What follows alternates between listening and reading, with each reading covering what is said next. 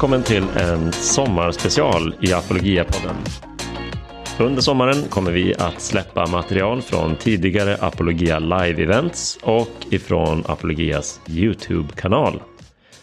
Det kan vara saker som eh, flugit under radarn och som många missat eller det där som har varit riktigt bra och uppskattat av många som vi vill lyfta fram och påminna er om och tipsa er om att lyssna på en gång till. Så håll till godo med detta sommarspecialavsnitt av Apologia-podden. Men vad då? Moral har väl ingenting med Gud att göra?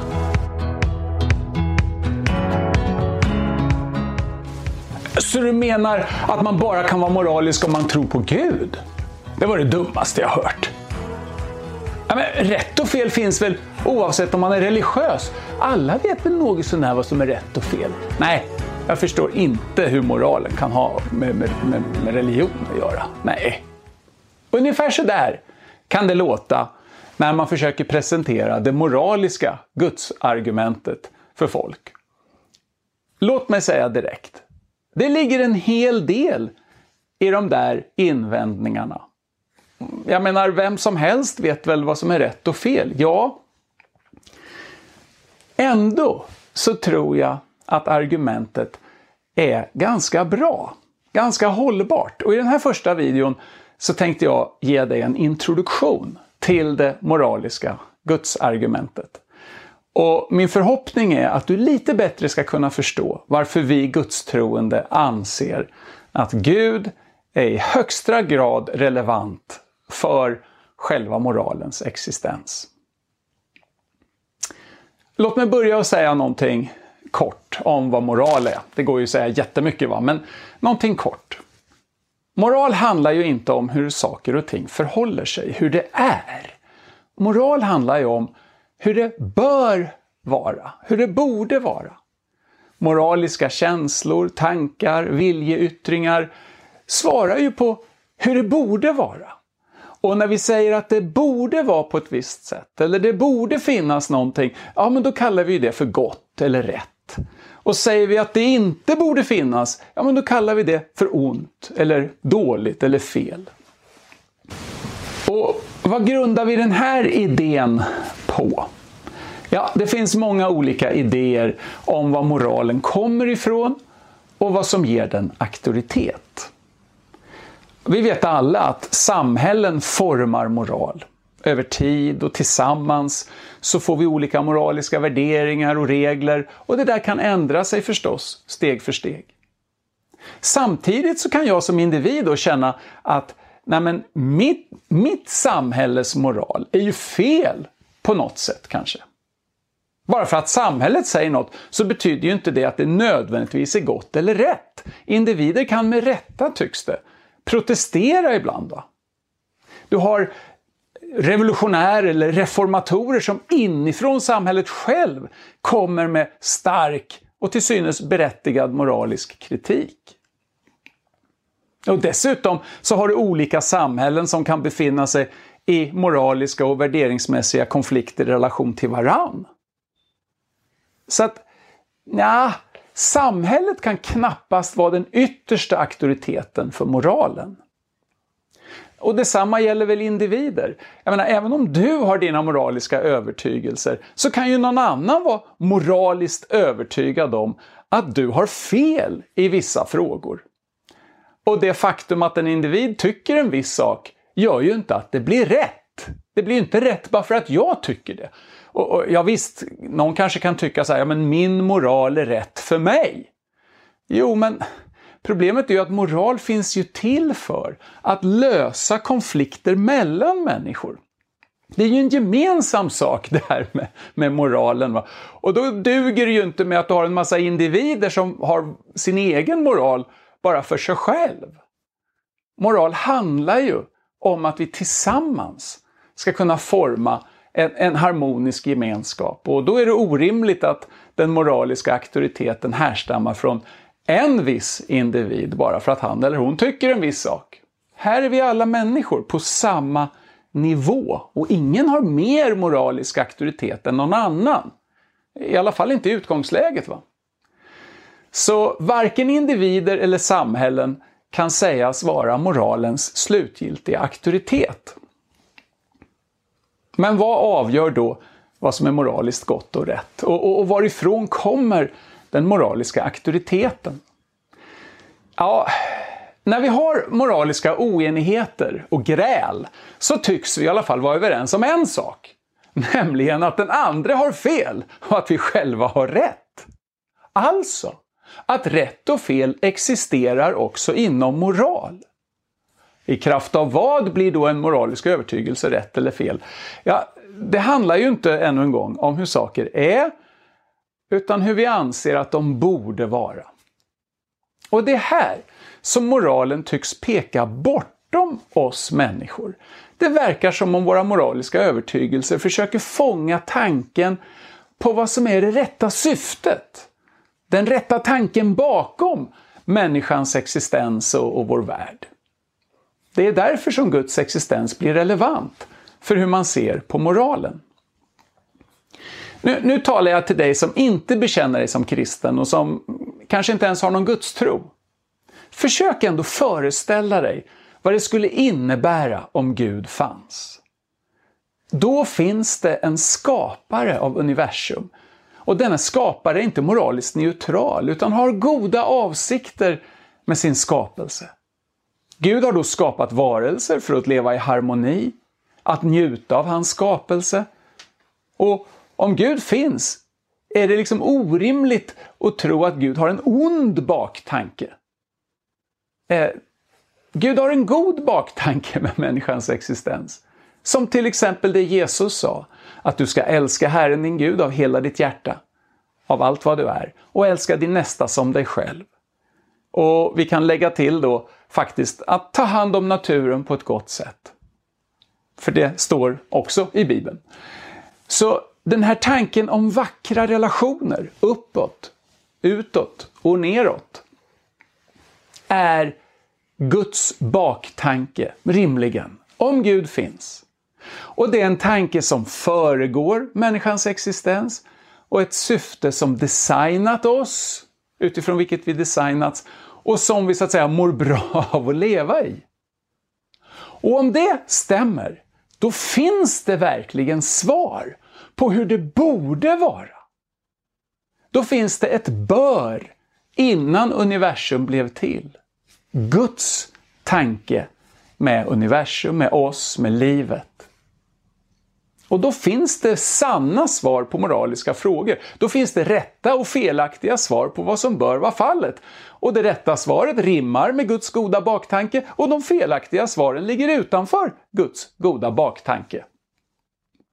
Att vi argumenterar i moralfrågor som om det fanns korrekta svar är då ett indicium på att vi har en intuitiv insikt om att det finns moralisk sanning. Det är som vi är ett gäng infödingar som aldrig sett en cykel, men som hittar en cykel och så funderar på vad kan den här vara till för? Vi diskuterar, vi slänger fram olika förslag som vi prövar och, och vi kan tydligt se, det måste finnas någon baktanke med den här mekapären, men vad kan det vara? Ungefär så känner vi alla inför oss själva som människor. Vi kan se och förstå att vi finns till för goda syften men vi kanske inte känner konstruktören. Vi har inte fått information direkt från skaparen men vi ser och förstår att det finns ett syfte, en tanke bakom och nu klurar vi mer exakt på var i den består. Låt oss nu ta det motsatta scenariot, att Gud inte finns. Vad innebär det för moralen? Ja, då är vi här av en slump eller av slump på slump på slump. Alltså i den meningen då att det existerar ingen tanke bakom vår existens. Det finns inget syfte, varken gott eller ont, till varför vi eller något annat naturligt existerar. Och då är det svårt att se hur det skulle kunna finnas något svar på frågan om hur saker och ting bör vara. Alla bör som finns är då mänskliga bör.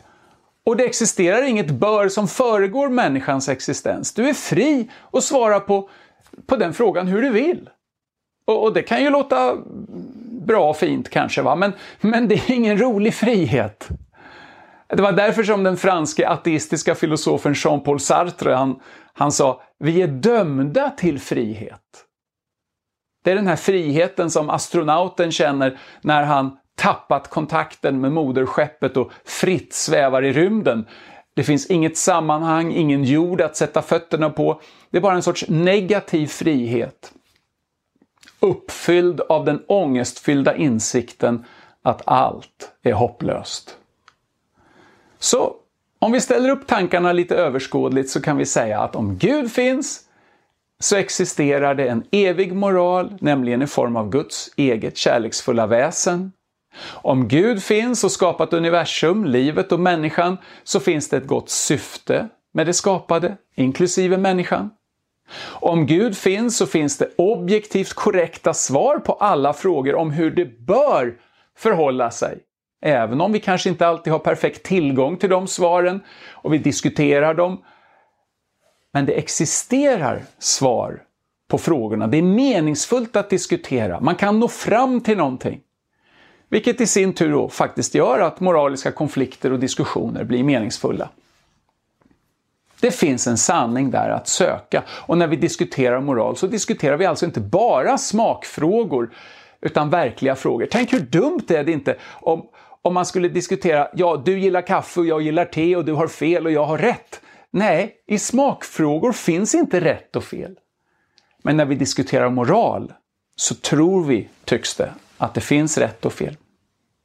Om Gud inte finns, då existerar ingen evig moral. Då är inte bara universum, utan självaste tillvaron helt värdeneutral. Då existerar inget gott syfte bakom universum, livets eller människans existens. Då existerar inga objektivt korrekta svar på några moralfrågor, vilket i sin tur gör moraliska diskussioner ungefär som när man då diskuterar smakfrågor, det vill säga meningslösa. Med det sagt så hoppas jag att du kan se att Guds existens gör stor skillnad för hur vi ser på moralen. Om du är övertygad om att det inte finns några moraliska sanningar och att olika moraluppfattningar är just som olika smaker som folk har, ja, då är det moraliska argumentet för Guds existens inte särskilt övertygande för dig.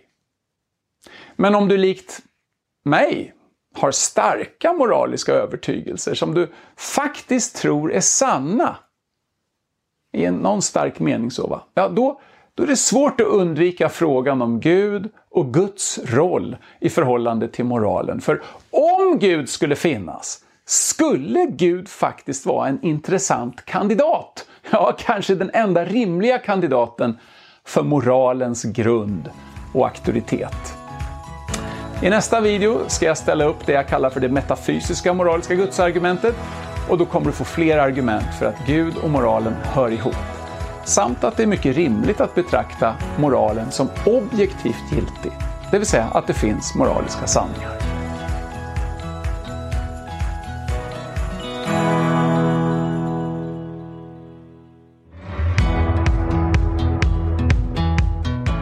I första videon om Gud och moral så utlovade jag att vi skulle titta närmare på det jag kallar det metafysiska moraliska gudsargumentet. Varför kallar jag det så? Eh, ja, metafysik handlar ju om det som finns så att säga bortom fysiken. Eh, och är man naturalist eller ateist så, så menar man vanligen att det inte existerar någonting bortom fysiken. Men om man tänker efter så eh, tycks det ändå finnas sånt som inte är fysiskt, men som finns ändå.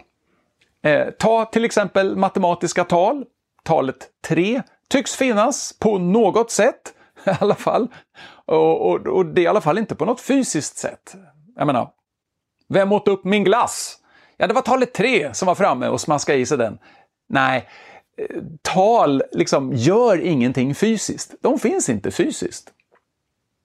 Om det finns objektiva moraliska förpliktelser, alltså saker som är liksom rätt och fel oavsett vad vi tycker om det, så är de inga fysiska företeelser.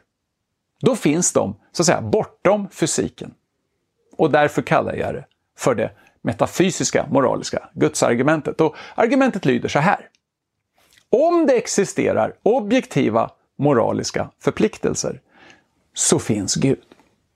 Det existerar objektiva moraliska förpliktelser. Alltså finns Gud. Vad menar jag med objektiva moraliska förpliktelser då? Ja, en förpliktelse är ju ett moraliskt förbud eller påbud, exempelvis mörda inte eller försök hjälpa en människa i nöd. Ehm, Sådana förpliktelser är objektiva, eh, tror vi. Ehm, I alla fall om vi är övertygade om att det är verkligen fel att mörda. Det är verkligen rätt att hjälpa en människa i nöd. Och det är det oavsett vad vi tycker. Det är objektivt på det sättet. Va? Men då kan man fråga sig, hur kan någonting sånt vara objektivt sant? Ja, om Gud finns och skapat människan med det goda syftet att leva i goda och kärleksfulla relationer med varann, så betyder det att det syftet existerar oavsett vad vi säger eller tänker eller tycker om det. Och då är vi gjorda för att leva goda moraliska liv. Vi är gjorda för godhet och, och det blir objektivt sant om Gud finns och skapat oss med det här syftet, det vill säga. Då spelar det ingen roll om alla människor på hela jordklotet skulle bli kriminella mördare eller någonting sånt där. Det skulle i alla fall vara fel att mörda. Eller om alla skulle bli själviska och aldrig bry sig om sin medmänniska, så skulle det i alla fall vara fel. Gud och Guds goda syfte med människan blir då den verklighet som gör dessa förpliktelser sanna och objektiva. Men utan någon Gud som skapat oss kan det helt enkelt inte existera något moraliskt syfte med människans existens eftersom människan i så fall faktiskt inte har något som helst bakomliggande syfte med sin existens. Då finns det så att säga inget syfte, ingen tanke bakom mänsklig existens, inte heller något moraliskt sådant. Och det här är någonting som många naturalistiska och ateistiska filosofer faktiskt håller med om. Jean-Paul Sartre till exempel, han skriver så här. Existentialismen däremot anser att det är mycket hindersamt att Gud inte finns. Ty med honom försvinner också varje möjlighet att leta efter några värden i en andlig himmel. Det kan inte längre finnas någonting gott a priori eftersom det inte finns något oändligt och fullkomligt medvetande som kan tänka sig det. Det finns ingenstädes skrivet att det goda existerar, att man måste vara hedlig, att man inte får ljuga, eftersom vi just befinner oss på ett plan där det endast finns människor. Dostojevskij skrev att om Gud inte existerar skulle vad som helst vara tillåtet. Och det är just existentialismens utgångspunkt. Så skriver Sartre. En annan tung naturalistisk filosof i den analytiska filosofiska skolan, John Leslie Mackie, han skriver så här om objektiva moraliska värden och förpliktelser, nämligen att de skulle i princip vara något som en gud kan tänkas ha skapat eftersom de annars skulle vara så besynnerliga, eller queer som han säger. Och att erkänna dem skulle göra, utgöra en induktiv grund för att också anta att en gud har skapat dem. Men både Sartre och Mackie är ateister och de förnekar således den andra premissen i argumentet. Den som säger att det existerar objektiva moraliska förpliktelser. De håller alltså med om den första punkten i det moraliska metafysiska gudsargumentet, men de förnekar den andra punkten. Det märkliga och intressanta är att det finns andra ateistiska filosofer som gör precis tvärtom. De slår fast att det visst finns objektiva moraliska förpliktelser, men att de inte har något med Gud att göra. Ett exempel är eh, moralfilosofen Russ Schaefer Landau som skriver så här. Några moraliska uppfattningar är bättre än andra. Oavsett den uppriktighet som finns hos individer, kulturer och samhällen som tror på dem. Vissa moraliska uppfattningar är sanna och andra är falska. Och det är inte mitt tänkande som gör dem sanna eller falska, att mitt samhälle omfamnar dem bevisar inte att de är sanna. Individer och hela samhällen kan göra allvarliga misstag när det gäller moral. Den bästa förklaringen till detta är att det existerar moraliska normer som vi inte skapat. Nu får vi den något märkliga situationen att vi har ett gudsargument med två premisser, två utgångspunkter och båda stöds av ateistiska tänkare. Vi behöver alltså inte citera en enda gudstroende filosof för att komma fram till slutsatsen att Gud finns i det här argumentet. Vad detta visar är att båda premisserna har en hög initial rimlighet. Och därför är det svårt för ateister att bestämma sig för vilken av dem som de ska förneka för att kunna behålla sin ateism. Men kan vi fråga oss, vad finns det då för skäl att, likt Schaefer-Landau, påstå att moralen är objektivt giltig? Låt mig ta upp tre delvis överlappande skäl när det gäller moraliska förpliktelser. Moraliska förpliktelser har för det första en inneboende och märklig auktoritet. Precis som Schaefer-Landau just påpekat är det inte vi människor som individer, grupper eller samhällen som gör att moraliska förpliktelser får den här auktoriteten. Moral liksom talar in i våra liv, vare sig vi gillar det eller ej.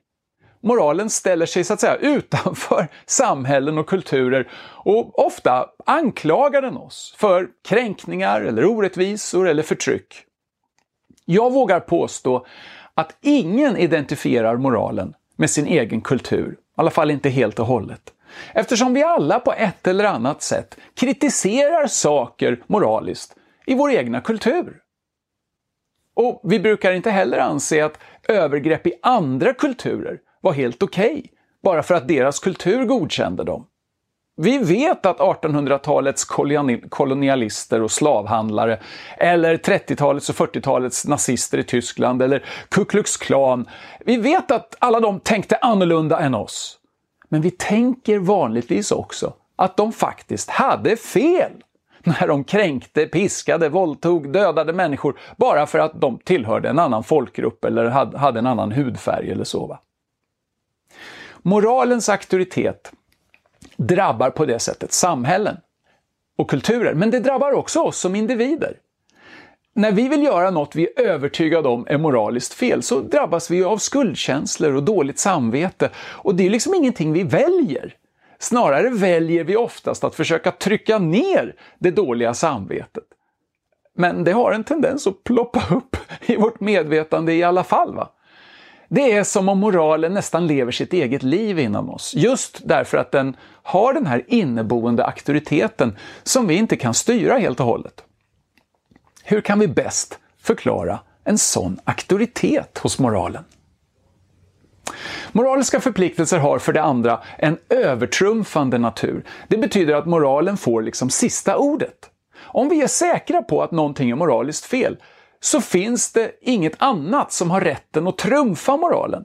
I ljuset av det moraliskt goda och rätta så säger vi inte ”Jaha, du kände inte för att göra det rätta, okej okay då, okej okay, då så”. Nej, vi säger att moralen faktiskt trumfar alla andra hänsyn. Och då talar jag inte om, om vad kanske en viss kultur anser vara moral, eh, kanske en viss klädkod som den enda moraliskt godtagbara eller någonting, utan det du själv helt övertygad om är det moraliskt rätta, det har en övertrumfande roll i ditt tänkande. Och för det tredje är moraliska förpliktelser universella. Det betyder att det moraliskt rätta faktiskt gäller alla människor i alla tider. Det utesluter inte att samma eller liknande regler kan tillämpas lite olika i olika kulturer. Eh, ofta beror det ju på att de faktiska omständigheterna är lite olika. I en kultur där en hel by använder de flesta verktygen gemensamt så utvecklas inte samma känsla för äganderätt som i ett samhälle där individer och grupper är mer åtskilda. Va? Gränsdragningar kan vara olika och vi kan stöta på gränsfall där vi inte riktigt kan avgöra vad, vad som kanske är det moraliskt rätta eller felaktiga. Men, men det tar inte bort att det finns gott om konkreta, klockrena fall där vi är säkra på rätt och fel. Och när vi är säkra på det så tillämpar vi faktiskt moralen universellt. Alltså mord, våldtäkt, slaveri, tortyr betraktar vi inte som kulturellt relativa företeelser. Sånt var fel för 2000 år sedan och det är fel idag. Och det var fel, det är fel på Polynesien såväl som i Sverige. Va? Det är så vi tenderar att tänka om moralen. De här tre egenskaperna hos moraliska förpliktelser, att de är auktoritativa, övertrumfande och universella, talar också för att de är objektivt giltiga. De, de gäller Och de är sanna oavsett vad vi råkar tycka, vad vi känner eller vad vi vill. Och observera att jag har inte sagt ett enda ord om exakt vad den objektiva moralen innehåller. Ja, jag har nämnt mord och, och sådana klockrena fall. Va? Men, men vi, vi kan vara väldigt oense om exakt vad vi menar med rätt och fel. Den frågan har jag inte gått in i detalj på. Va? Och, och, vi kan besvara den olika. Det intressanta är att alla sådana diskussioner tycks förutsätta att alla kan inte ha rätt. Om man är osams om något, till exempel vilken moral som är den rätta, så är det ofta därför att man menar att ens egen position är korrekt. Man menar inte att den blir korrekt bara för att jag har den. Nej, man menar att jag har den därför att den är korrekt. Konflikter som enbart handlar om smakfrågor brukar inte bli några stora konflikter. Så oavsett vad vi har för moraliska övertygelser så brukar de ändå vara övertygelser om vad som är objektivt rätt. Precis som två forskare kan vara oense om vad som är den rätta tolkningen av objektiva fakta, så kan man vara oense om vad som är den objektiva moralen. Båda är då överens om att moralen faktiskt är objektiv. Det finns en verklighet där ute. Och det är detta som det moraliska gudsargumentet hänger på. Om du behandlar moralen på det här sättet så tycks du här ha ett ganska starkt argument för gudstro. För sådana förpliktelser måste få sin auktoritet någonstans ifrån. De måste vara övertrumfande och universella av något gott och rimligt skäl. Om de kom från allas vår skapare, om de finns inskrivna i skapelsen, såväl som i våra samveten, så får vi en fullt tillfredsställande förklaring till dess egenskaper. Annars tycks de hänga i luften. Och i så fall är våra moraliska uppfattningar inget annat än våra fördomar och åsikter som vi försöker pådyvla andra. Och då har din moral ingen sanning och ingen verklighetsförankring. Och, och då är frågan om du anser det rimligt att se på moralen på det sättet. Om du är ateist, bör du då inte anpassa din moraluppfattning efter sanningen att det inte finns några moraliska förpliktelser på det här sättet? Eller bör du istället hålla fast vid det du är övertygad om är gott och rätt och istället förkasta den världsbild som inte lyckats, lyckas rymma din moral? Det här var personligen ett viktigt skäl till varför jag gick från ateism till kristen tro. Jag hade starka moraliska övertygelser som ateist. Och jag kom till insikten att dessa var fast förankrade i ingenting. Om Gud inte finns. Och jag kunde inte, och jag ville inte, överge mina moraliska övertygelser. Detta gjorde mig öppen för Guds tro, vilket till sist ledde mig fram till en kristen tro. Om du är fast övertygad om att moraliska förpliktelser faktiskt är sanna, sök då en världsbild, en livsåskådning, en tro som inte krockar med den övertygelsen utan som istället ger den sammanhang och tyngd. För mig var kristen tro det naturliga valet.